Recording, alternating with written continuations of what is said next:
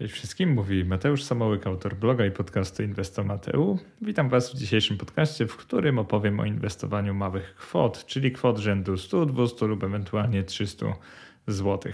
Już kiedyś był taki podcast i bardzo podobny wpis na blogu. Dotyczył on dokładnie inwestowania 100 zł miesięcznie, ale od tego czasu bardzo wiele się zmieniło w ofertach maklerów oraz instytucji inwestycyjnych i stwierdziłem, że warto by go trochę zaktualizować. W tym podcaście nie będzie żadnej aktywnej promocji, że tak powiem, także nikt nie płaci mi za to, że to nagrywam, więc jest to jak zwykle bezstronna i taka według mnie obiektywna ocena ofert. Natomiast będą linki afiliacyjne we wpisie. Po prostu, jeżeli polecam jakąś instytucję, to może się znaleźć do niej link afiliacyjny, ale wierzcie mi, że nigdy nie robię tego na zlecenie. A przynajmniej dotychczas nie robiłem i raczej nie zamierzam, ponieważ przeczy to trochę mojej misji. Chcę przedstawiać najlepsze oferty, a nie przedstawiać oferty dlatego, że ktoś mi za to płaci. To jest dla mnie bardzo ważne, więc taki disclaimer na sam początek. Przez jakie konta można właściwie inwestować małe kwoty w tej chwili? Prawda jest taka, że można przez większość kont, ale również przez większość kont nie warto inwestować małych kwot. I chodzi o to, że prowizje maklerskie są w takim wypadku za duże.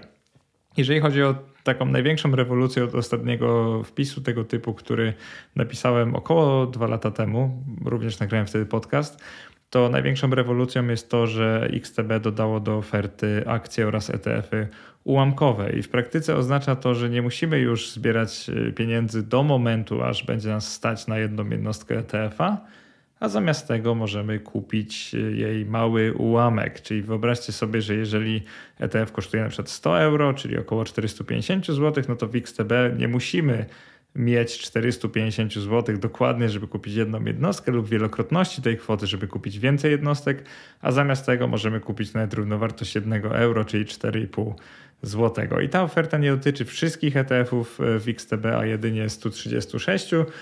Natomiast e, wśród nich są takie, które umożliwiają zbudowanie efektywnego i zdywersyfikowanego portfela inwestycyjnego, więc dlaczego by nie?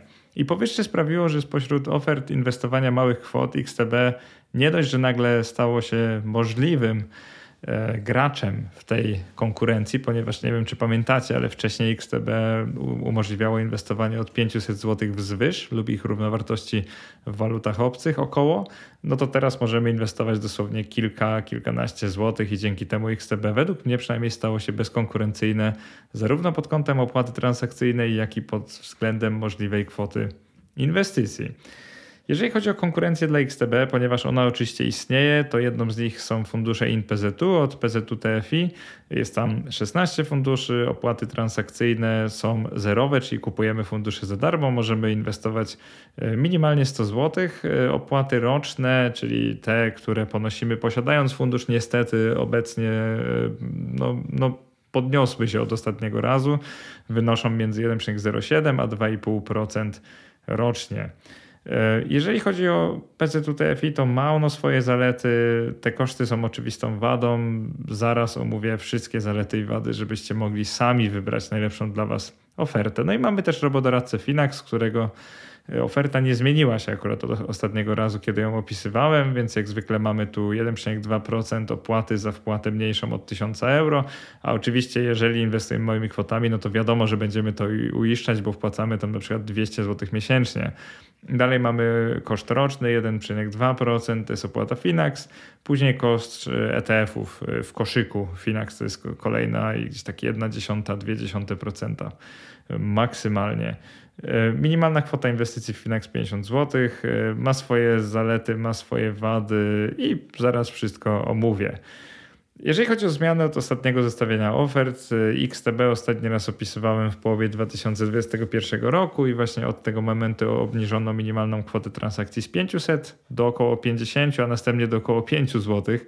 Także obecnie ona wynosi dosłownie kilka złotych. Można kupować bardzo małe ułamki ETF-ów, przynajmniej niektórych z nich, co jest oczywiście bardzo pozytywną rzeczą. Poza tym wprowadzono formularz W8BN, czyli ten obniżający stawkę podatku źródła od dywidend ze spółek amerykańskich z 30 do 15%. Więc są to zmiany no, bezapelacyjnie na lepsze, dlatego też e, nie ukrywam, że to jest główna motywacja do napisania tego wpisu.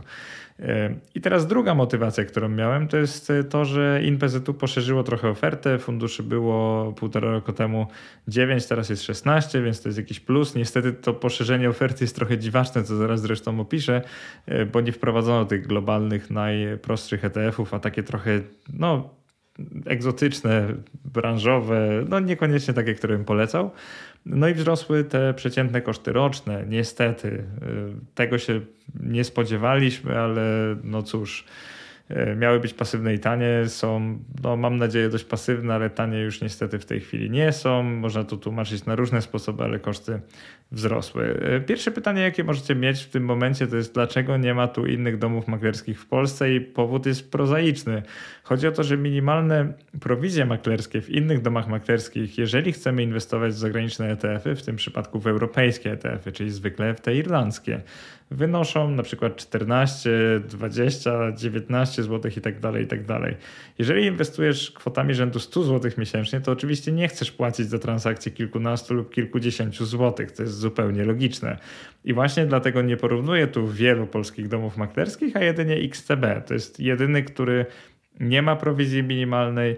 Nawet jeżeli inwestujesz w polskich złotych, to płacisz 0,5% prowizji tej za przewalutowanie i koniec. I nie ma tam minimalnej 14 czy 19 złotych, dzięki czemu to inwestowanie małych kwot dalej jest korzystne w XTB.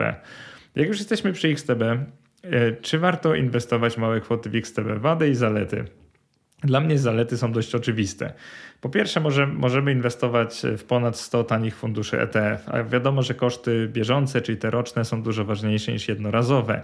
Czyli jeżeli jakiś ekspert od funduszy powie Wam, że co z tego, że te fundusze są tanie, jeżeli za zainwestowanie w nie musicie zapłacić na przykład 0,5% XTB, no to możecie się wtedy zaśmiać, ponieważ 0,5% płacicie raz od całej kwoty, a te koszty roczne przed 1,5% płacicie co roku od całej kwoty. No i nie muszę chyba mówić, że jeżeli koszty są tak wysokie, to w ciągu kilkudziesięciu lat oddacie w końcu instytucji prowadzącej wasz, wasz fundusz na przykład 30 czy 40% łącznych środków, które byście w tym okresie E, mieli. Nie tylko zysku, ale łącznie środków, które byście zarobili, gdyby tego kosztu nie było. E, druga zaleta XTB, właśnie niskie koszty roczne, już mówiłem. E, trzecia, brak prowizji na koncie prowadzonym w euro, czyli jeżeli macie tam konto w euro, to w ogóle nie płacicie prowizji maklerskiej, czy jeżeli wpłacicie tam na przykład euro z Revoluta, czy z jakiegoś kantoru internetowego, no to handel jest darmowy, tak długo jak ten ETF jest notowany w euro.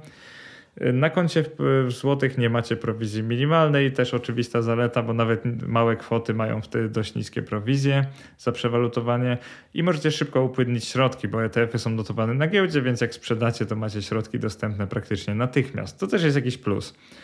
Wady oferty, brak możliwości prowadzenia IKX, nie wiadomo kiedy ta możliwość będzie i czy będzie w ogóle, ale nie mam na razie takich informacji. W XTB nie ma też uwierzytelniania dwuskładnikowego, czyli two-factor authentication. E, niestety wielu osobom na tym zależy, znaczy nie niestety zależy, tylko niestety nie ma, bo w sumie mnie też na tym by zależało, więc szkoda, że tego jeszcze nie ma. Trochę kłopotliwe jest rozliczenie podatku giełdowego i podatku belki, ponieważ transakcje zagraniczne nie są uwzględniane w PIT 8C. XTB natomiast przygotowuje osobny raport do tego, więc to nie jest tak, że to jest trudne, ale trzeba jednak coś ręcznie e, zrobić. I to było na tyle, jeżeli chodzi o XTB. Jak wejdziemy w szczegóły ich oferty, to zobaczymy, że wśród tych ETF-ów ułamkowych mamy dobrze nam znane ETF-y typu iShares Core MSCI World, e, UCITS ETF, mamy też iShares Core MSCI Emerging Markets, mamy ADSWI, czyli All Country World Index. E, mamy więc wszystkie proste ETF akcyjne, mamy ETF obligacyjne, te z prostych, mamy ETF właściwie ETC na złoto o dość niskich kosztach rocznych, więc tutaj tak naprawdę nie ma czego przedłużać. Po prostu jeżeli chcesz zbudować za niskie kwoty miesięcznie taki prosty, tani, zdywersyfikowany portfel, to da się to zrobić i to jest chyba najważniejsza informacja dla ciebie jako osoby, która ewentualnie będzie chciała prowadzić tam konto. Pytanie, które możesz teraz mieć, to to, czy akcje ETF-y ułamkowe w XTB są bezpieczne. To taka analogia. Jeżeli kupujesz jedną jednostkę ETF-a, taką całą, no to należy ona do ciebie. Działa to tak, że depozyt danego kraju wie o tym, że broker ją posiada, ale to jest konto klienta, a nie konto brokera. Więc broker prowadzi rejestr tego, kto ma jednostki, ty posiadasz jedną całą jednostkę. Proste. Jeżeli kupujesz ułamkowy ETF, no to na przykład jedną dziesiątą jednostkę ETF-a u brokera, no to należy ona w całości do brokera. E, depozyt kraju widzi to jako własność brokera, a nie twoją. Czyli na przykład broker może to podzielić nawet pomiędzy e, kilkunastu klientów, jeżeli chce, i już sam broker prowadzi rejestr podziału jednostki. I ten rejestr brokera nie obchodzi zbytnio depozytu. I to się różni w tym kontekście, że prawnie to jest ETF brokera, a nie twój, więc w przypadku bankructwa lub jakichś innych problemów finansowych brokera lub maklera, akcja lub ETF ułamkowy może po prostu przepaść, co nie spotka nigdy jednostki kupionej e, bezpośrednio, w całości, więc to jest trochę bardziej ryzykowne. Ważna informacja pewnie, jeżeli byliście ciekawi. E, w jaki sposób inwestować małe kwoty w XTB? No to to jest dość proste. Wybrać ETF na światowe akcje, ewentualnie na światowe obligacje. Można dorzucić ETF na złoto i proces jest y, no, taki jak zawsze kupowanie jednostek ETF-ów. Przelewasz tę małą kwotę co miesiąc czy co jakiś czas chcesz i po prostu kupujesz ułamkowe y, ETF-y. Z tej listy oczywiście ułamkowych, które da się y, kupować. Jedyna zagwozdka, którą możesz mieć, jeżeli chodzi o XTB, to jest to, czy prowadzić konto w euro, czy w polskich złotych. W euro jest oczywiście taniej, bo za sam handel nie zapłacisz ani euro, ani złotego. Więc najtaniej przez na przykład Revoluta przelewać euro, kupować ETF-y notowane w euro. Trochę drożej, ale dalej dość tanio, to jest po prostu przelewać nasze polskie złote zarobione do XTB i już u brokera podczas e, transakcji wymieniać jakby w locie te środki za 0,5% bez kwoty minimalnej, także dalej bardzo dobra oferta. Przyjrzymy się teraz InPZU, który moim zdaniem jest najsilniejszym konkurentem XTB, jeżeli chodzi o inwestowanie małych kwot. Jego zalety jest ich dość dużo tak naprawdę. Po pierwsze można imprezy prowadzić w formie IKE lub IGZE, czego nie można powiedzieć o XTB w tej chwili. Handel jest darmowy, także prowizji transakcyjnej nie ma. One oferują parasol podatkowy, czyli możesz zmieniać fundusze bez płacenia podatku giełdowego, czyli tak długo jak masz zainwestowane pieniądze wewnątrz imprezytu, to możesz mieć raz w akcje, raz w obligacje, realizować zysk pomiędzy tymi nazwijmy to transakcjami, bo to nie do końca jest transakcja, i to nie generuje obowiązku płacenia podatku. Rozliczenie podatkowe jest bardzo proste, bo w zasadzie go nie ma. Wszystko robi za ciebie PZU, także nie musisz rozliczać się podatkowo. To jest akurat typowe dla TFI to jest ich niewątpliwa zaleta. I taka zaleta wada, zależy jakie masz do tego podejście, to jest to, że fundusze INPZ są zabezpieczone walutowo do polskiego złotego. Może być wada, ponieważ no nie wiemy, czy warto zabezpieczać się walutowo do złotego, a w długim terminie i tak uśredniasz kurs zakupu zarówno waluty, jak i samego funduszu. Wadę oferty, taka oczywista i wada, która tak, tak, tak naprawdę przyćmiewa większość zalet, to są wysokie koszty funduszy INPZ-u.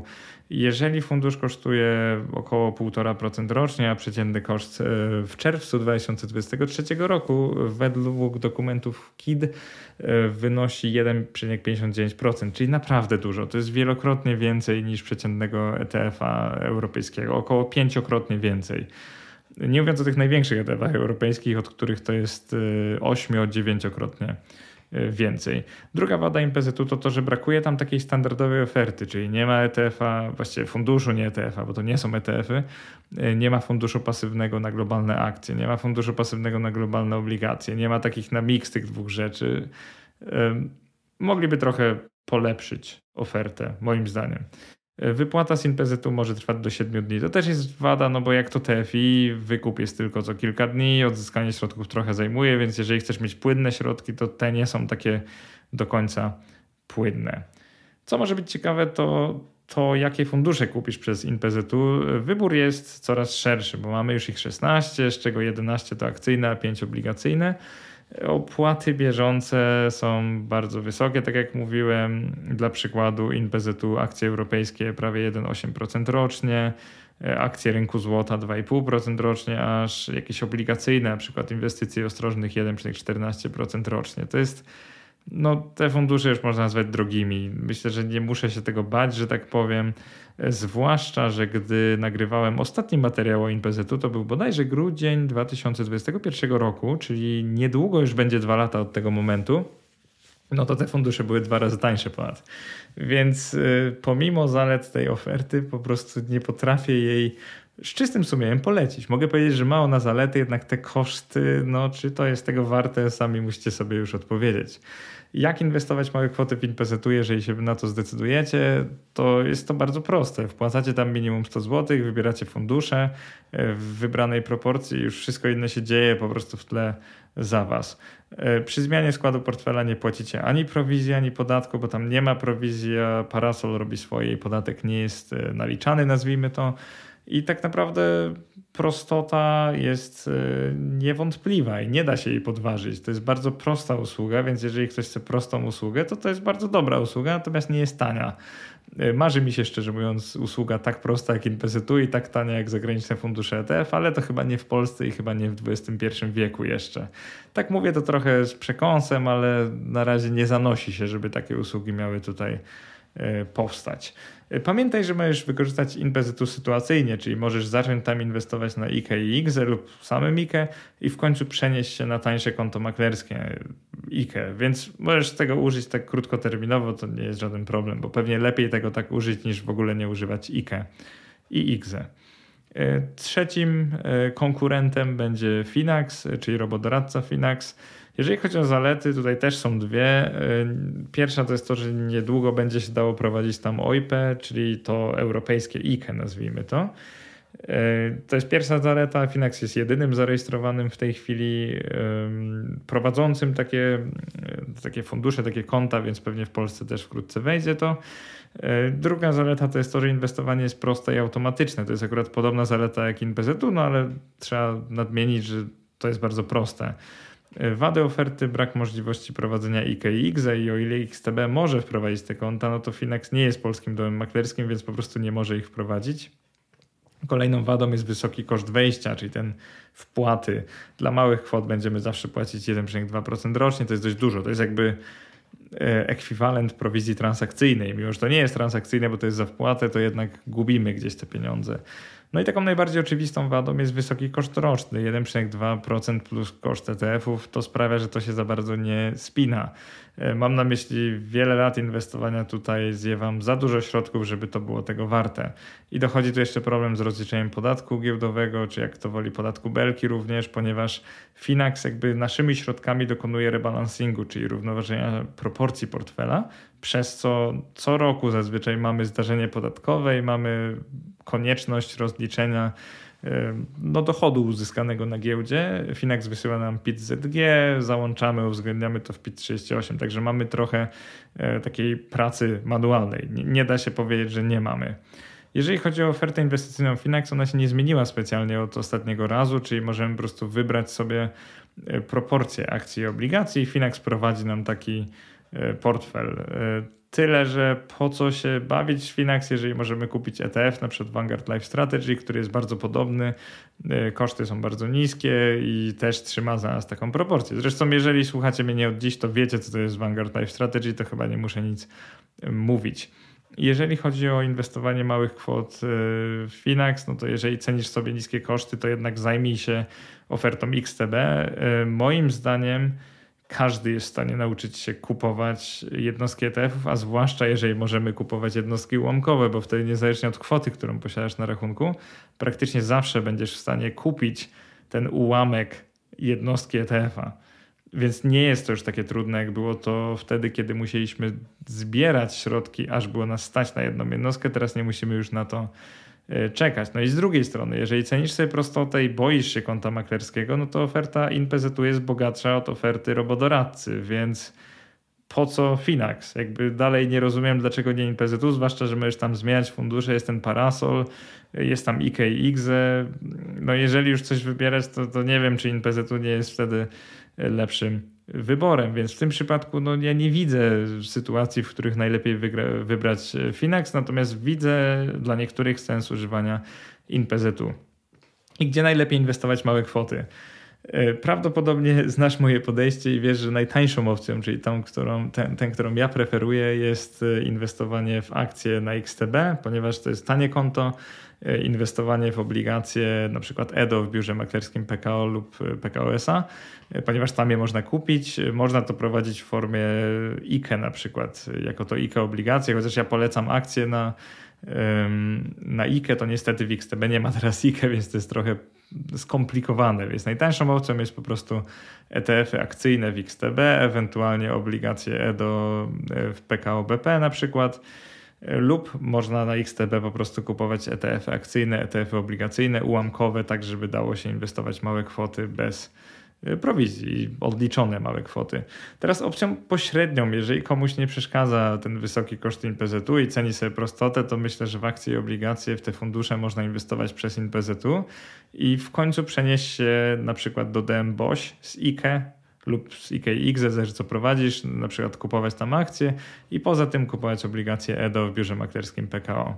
Taką najprostszą opcją jest po prostu wybór INPZ-u, no bo jeżeli uważasz, że prowadzenie konta maklerskiego przerasta Twoje możliwości czasowe lub jakieś takie manualne, nazwijmy to, to oczywiście InPZU będzie lepsze niż nieinwestowanie e, w ogóle. Trochę przerażają mnie te wysokie koszty funduszy InPZU, ale muszę przyznać, że no to jest prosta oferta. Jakby co to nie mam żadnej afiliacji, PZU zresztą prawdopodobnie nie da mieć. E, jeżeli chodzi o XTB, jak e, cenisz sobie niskie koszty, no to moim zdaniem nie ma dla XTB teraz konkurencji, zwłaszcza, że można inwestować w prawie dowolny ETF, jest ich tam 130 kilka w tej opcji inwestowania ułamkowego e, i to jest naprawdę korzystne. Niskie prowizje, możliwość wydania na te ETF-y prawie każdej kwoty, Polski Dom Maklerski jest to rozliczenie podatkowe, ten dokument, który ułatwia, jakby nie patrzeć, e, wypełnianie PIT 38, więc dlaczego by nie? I bym powiedział, że to jest najlepsza opcja, którą możesz w tej chwili wybrać na inwestowanie małych kwot. E, na koniec, dlaczego nie uwzględniłem na przykład e, innych robodoradców typu Portu? No choćby dlatego, że cenowo może i są trochę atrakcyjniejsi od Finaxa, to są krócej na rynku, zwłaszcza polskim i dalej są dość drodzy, więc jeżeli chodzi o prostotę, to InPZ moim zdaniem kompletnie e, zmiata oferty obydwu robodoradców. E, dlaczego nie uwzględniłem innych domów maklerskich, to już wiecie, bo inwestowanie małych kwot się po prostu tam nie opłaca. Niektórzy z Was mogą się zastanawiać, dlaczego nie, nie uwzględniłem oferty polskich ETF-ów, e, bo zazwyczaj jak inwestujemy na GPW, to te kwoty prowizji minimalnych są niższe u polskich maklerów. Więc możecie sobie myśleć, dlaczego akurat nie uwzględniłem też polskiej oferty ETF-ów. No choćby dlatego, że jest bardzo wąska. E, da się kupić ETF na S&P 500, na Nasdaq. One też są e, akurat hedżowane, czyli zabezpieczane do polskiego złotego, ale brakuje tej oferty globalnej, brakuje no, ciekawych, tanich, wielu ETF-ów. No i niestety na GPW chyba zawsze będzie brakować ETF-ów, skoro te fundusze rejestrowane w Polsce muszą działać e, tak jak fundusz inwestycyjny zamknięty, czyli są droższe. To jest trochę inna struktura prawna niż jakby to był fundusz inwestycyjny otwarty, po prostu mógłby być on notowany na giełdzie, ale niestety one nie mogą być notowane na giełdzie. E, Podsumowując, czego brakuje której instytucji? No to z pewnością XTB brakuje IKX. Gdyby tam było IKX, jeszcze miałoby korzystną ofertę, być może jakieś zwolnienie z tej prowizji walutowej, no to byłaby to naprawdę świetna oferta, praktycznie bezkonkurencyjna. Wtedy można by polecać tylko XTB i no byłoby to najlepsze konto maklerskie. Podkreślam maklerskie do inwestowania w ETF-y, a nie do spekulacji na produktach CFD, bo zupełnie o tym teraz nie mówię i no nie polecam czegoś takiego. E, jeżeli chodzi o zarówno Finax, jak i InPZU, no to coś by się przydało zrobić z kosztami rocznymi. Jeżeli zauważyłeś lub zauważyłaś to, że InPZU, niektóre z tych funduszy pobijają swoje indeksy, bo faktycznie dzięki punktom swapowym, jak one mają zabezpieczenie walutowe, to jest tak w ostatnim czasie, że część z nich pobija swoje benchmarki. No ale jak myślicie, czy te fundusze w długim terminie obciążone kosztem 1,5% rocznie są w stanie pobijać swoje benchmarki? Tak na logikę, naprawdę chłodne myślenie, bez żadnych sympatii, sympatie w kieszeń, no nie jest to możliwe. Po prostu taki fundusz nie może pobijać benchmarku, zwłaszcza, że to musi być fundusz pasywny, także mimo wszystko on musi być oparty na indeksie, więc z takimi kosztami, no przepraszam, z czym do ludzi, minie 15 lat, nie widzę tego, żeby jakiekolwiek InPZU mógł pobić tani ETF na ten sam lub podobny benchmark.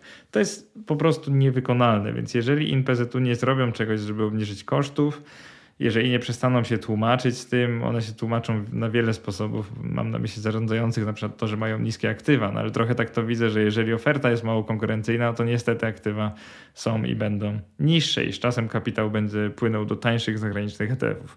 Trochę szkoda dla naszej polskiej branży finansowej, no ale niestety jak tam są lepsze oferty, to czy blogerzy mają polecać nasze, bo są patriotami? No, no nie, niestety jesteśmy ludźmi i chcemy mieć jak najkorzystniejsze oferty dla siebie, czyli jako inwestorzy chcemy po prostu inwestować jak najtaniej. Dlatego właśnie polecam XTB. E, w opisie jest link afiliacyjny. Jeżeli jeszcze nie macie tam konta, będę bardzo wdzięczny, jeżeli z niego skorzystacie. E, mam nadzieję, że wpis podcast, klip się podobał. No i do zobaczenia w komentarzach. Cześć.